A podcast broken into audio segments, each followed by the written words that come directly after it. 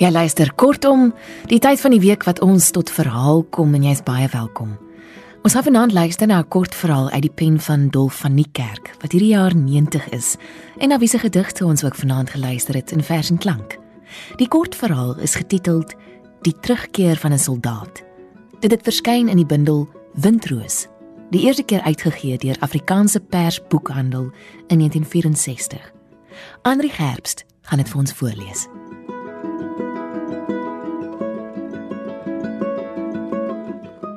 Toe sy die voordeur oopmaak, glip die son binne en gaan lê in die gang. Sy loop tot op die gebarste stoepie en kyk na die môre. Vandag kom hy, sê sy aan die wêreld. En dit klink of sy bid. Die kerk se oorlosie antwoord. Sy knik met haar kop en glimlag omdat die oorlosie haar verstaan het.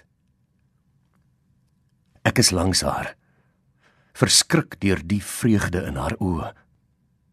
Ek wil dit vinnig aan haar sê, maar sy buig en trek 'n onkruid uit die grond tussen die stoep se barste. Sy gaan met die trappe af in 'n verwaarloosde tuintjie.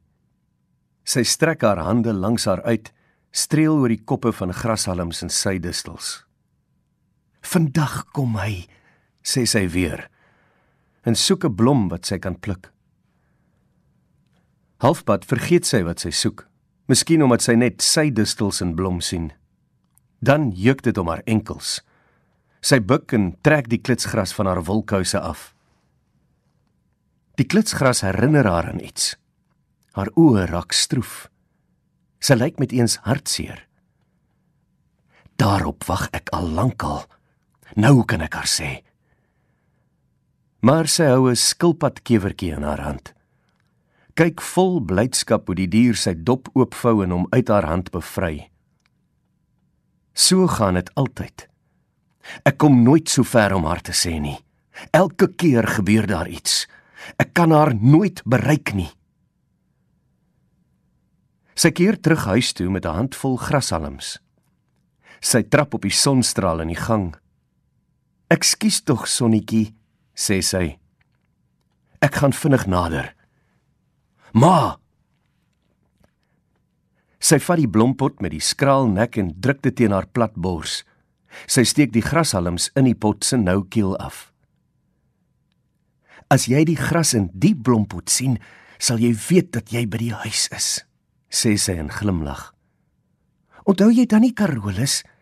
Jy het elke Saterdag vir ma 'n handvol gras gebring en jy het dit self in hierdie einste pot gesit. Sy blaas die stof om die blompot weg. Nou staan sy met eens besluiteloos voor die blompot. Sy kyk rond, half onseker oor watter ding sy eers sal aanpak. Daar's so baie te doen. Elke Woensdag is daar baie om te doen. Vandag is die 150ste Woensdag waarop sy ontsettend baie te doen het. Elke keer vrees sy dat ek sal kom voor sy gereed is. Sy stel die wekker en wend dit op. Vanmiddag om 04:30 moet die wekker lui, 'n uur voor die trein kom. En soos 149 woensdae tevore sal sy vanmiddag om 04:30 die wekker smoor voor hy kan lui. Het maar dan die telegram vergeet, wil ek uitroep. Maar die vreugde in haar oë maak my stom. Ek kan nie praat solank daar vreugde in haar is nie. Ek weet wat ek wil sê. Ek ken die telegram se boodskap van buite tot die naam van die plek waarvandaan dit gestuur is. Dis of ek die telegram self gestuur het. Sy vat haar voorskootse punt en vryf die tafel se blad daarmee af. Sy doen dit half. Dun stofstrepe bly op die blad agter. Sy doen dit altyd half. In die hoek van die voorkamer staan 'n rakkie met botteltjies en glasies. Sy gaan en blaas oor die botteltjies en glasies. Dan neem sy twee glasies van die rakkie af en sit dit op die tafel neer. Sy verdwyn kom bys toe, keer terug met 'n bottel gemmerbier in 'n nat lap. Sy rangskik die bottel en glasies, gooi 'n doek daaroor. Gesondheid, sê sy. Sy lag byna hoorbaar. Ek wil die spul goed van die tafel afsmyt. Die gemmerbier is 3 jaar oud. As sy dan die telegram vergeet het, moet sy tog die man onthou. Die man in uniform wat 'n dag na die telegram by die huis aangekom het. Dit was 'n offisier, 'n boodskapper. Sy kyk om haar heen in die skemer voorkamer. Sy tel 'n kussing op en slaan die stof tussen haar hande uit. Sy rangskik die kussing op die leunstoel onder die venster. Dan onthou sy met eens.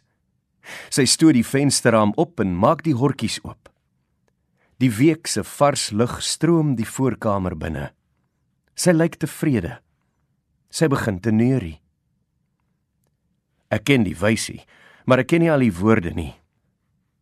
Slaap maar Karol sie die fees in die kraal.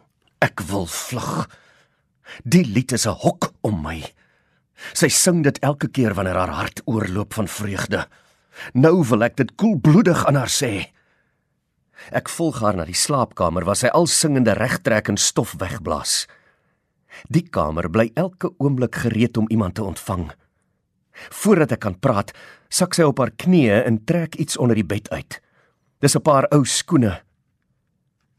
Ek hou hulle vir jou, sê sy en vee die stof met haar hand af. Jy was so gewoond aan die harde ou stewels van 'n soldaat. Jy sal dink jy's 'n koning as jy hulle aantrek.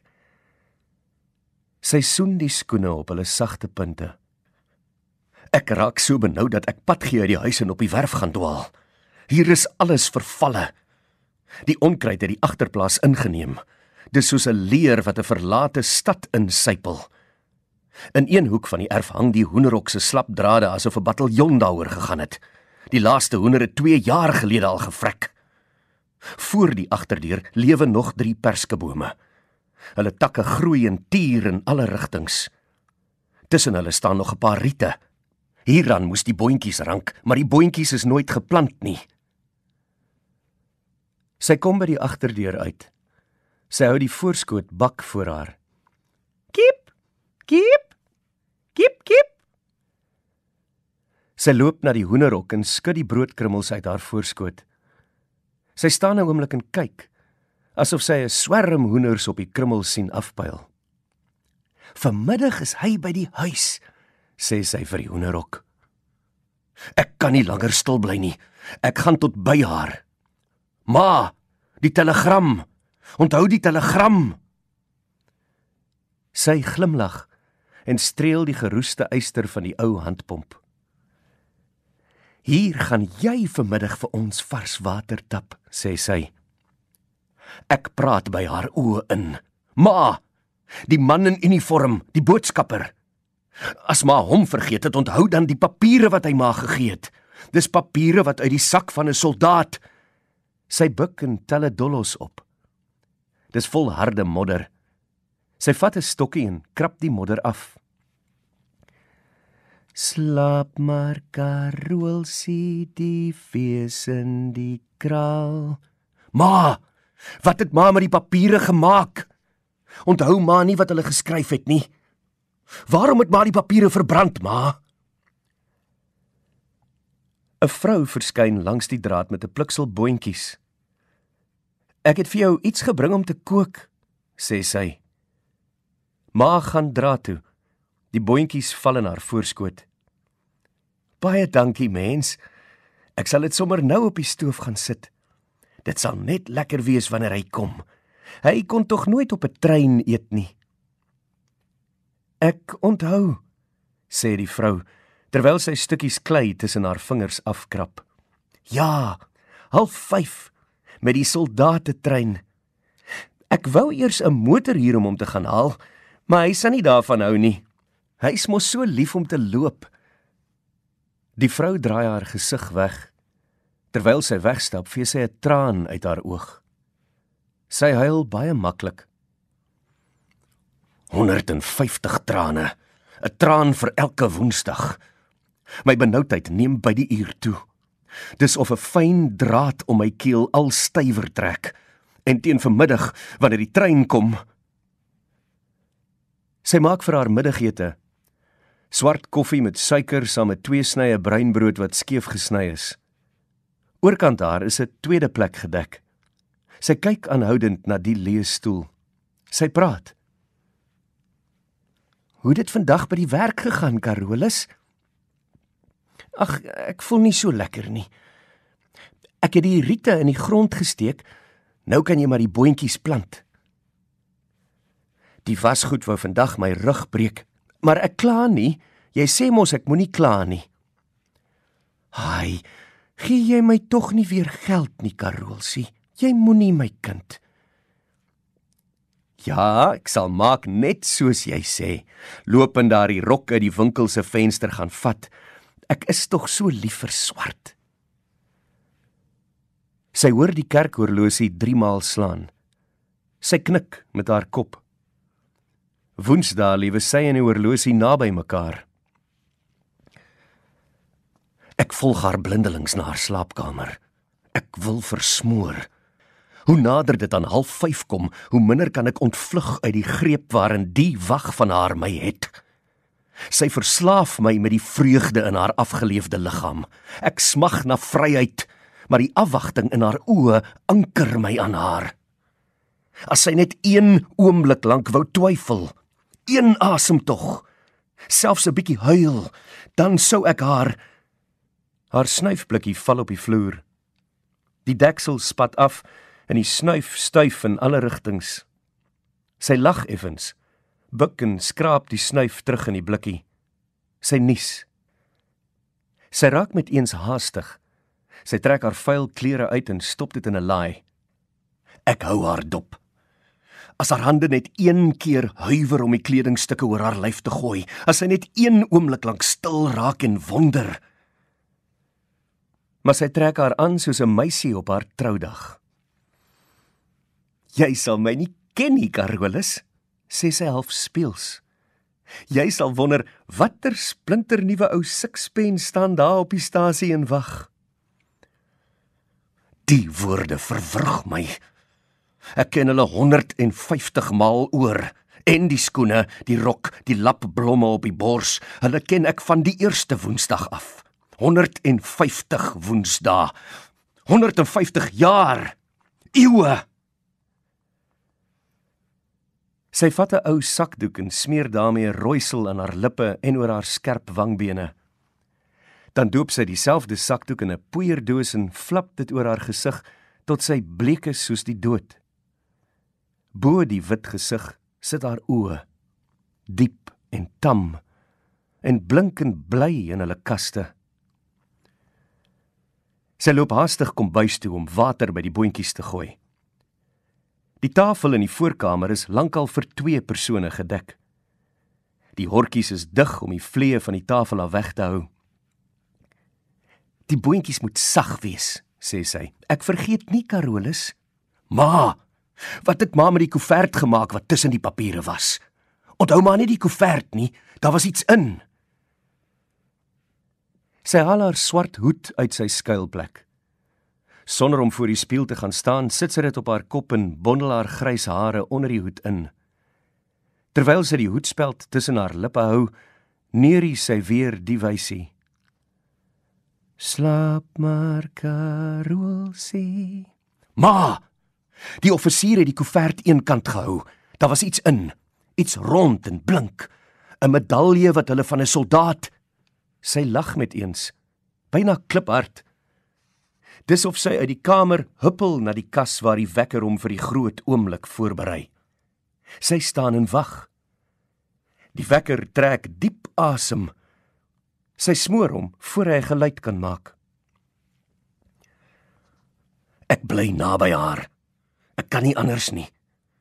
Nou het sy my in die holte van haar hand. Van nou af is ek soos 'n hond aan haar. Sy sluit die voordeur en bære die sleutel onder 'n baksteen. Sy kry koers stasie toe. Haar liggaam buig soos 'n vraagteken teen die bultjie uit. Onthou maar nie die sakboekie wat saam met die medalje gekom het nie. Sy groet al die mense wat skielik op hulle stoepe verskyn het. Ek gaan hom haal, sê sy en glimlag soos 'n koningin. Die mense wyf vir haar maar hulle gesigte is soos die van lyke. Hy kom ons huis toe, sê sy en kyk van stoep tot stoep. 'n Paar motors ry by haar verby. Die stof wat hulle agterlaat, pak op haar swart rok. Almal gaan hulle seuns haal, sê sy agter die motors aan. Ek skree vir haar. Ma, luister na my. Waar is die potloodjie wat saam met die sakboek gekom het? Waar is die portret wat tussen die bladsye was? Onthou die portret. Dit was ma se portret wat hulle uit Italië saam met die ander goed. Sy struikel byna oor 'n klip, maar steur haar nie daaraan nie. Haar voetstappe weer klink op die brug oor die treinspore. Sy druk die hoetjie stywer op haar kop. Sy gaan sit op 'n bankie, vee met haar hand die stof van haar moue af. Sy sit regop en trots. Kan haar geloof nie langer verduur nie. Waar is die geld wat hulle vir my gestuur het? Waarom lê dit en vergaan in die posspaarbank? Niemand sal dit ooit gebruik nie. Die trein fluit agter die eerste bult. Sy haal 'n kant sakdoekie uit haar mou en hou dit tussen haar vingers. Dan staan sy op en gaan tot sewe tree van die spoorlyne af. Die 150ste keer. Die trein raas nader en nader. Ek wil skree van pyn, want ek is die stawe waarop hy loop. As sy net wil huil, net een traan, sy wat nooit huil of twyfel of dink nie, een oomblik sonder blinde geloof en ek is vry. Die lokomotief donder by die signaal verby. Sy vat die kantsakdoekie tussen twee vingers en wyf. Net een traan, dan is ek verlos. Die trein fluit lank en skel. Storm deur die stasie, ander kant uit en weg. Haar arm staan in die lug. Die kantsakdoek hang slap tussen haar vingers.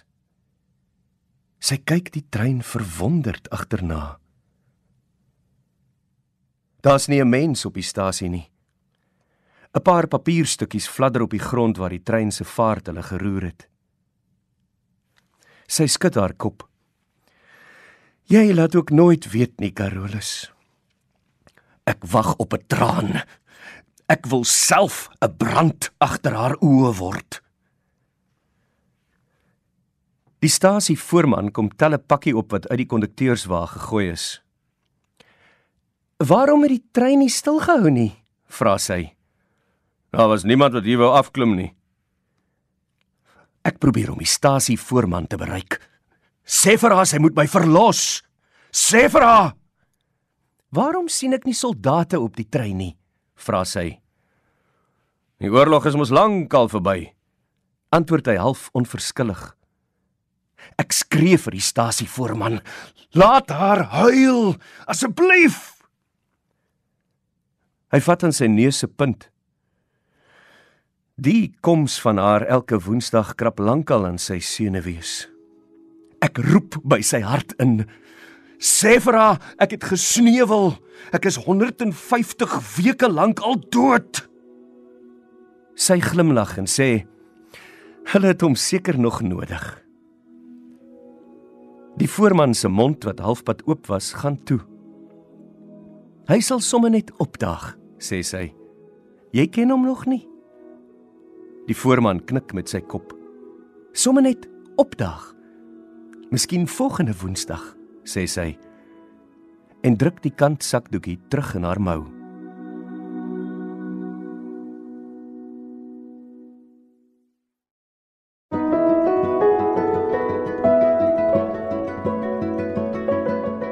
Dit was dan Die terugkeer van 'n soldaat, geskryf deur Dolf van die Kerk en voorgeles deur Andri Gerbst. 'n Heerlike aand vir jou. Tot volgende keer. Totsiens.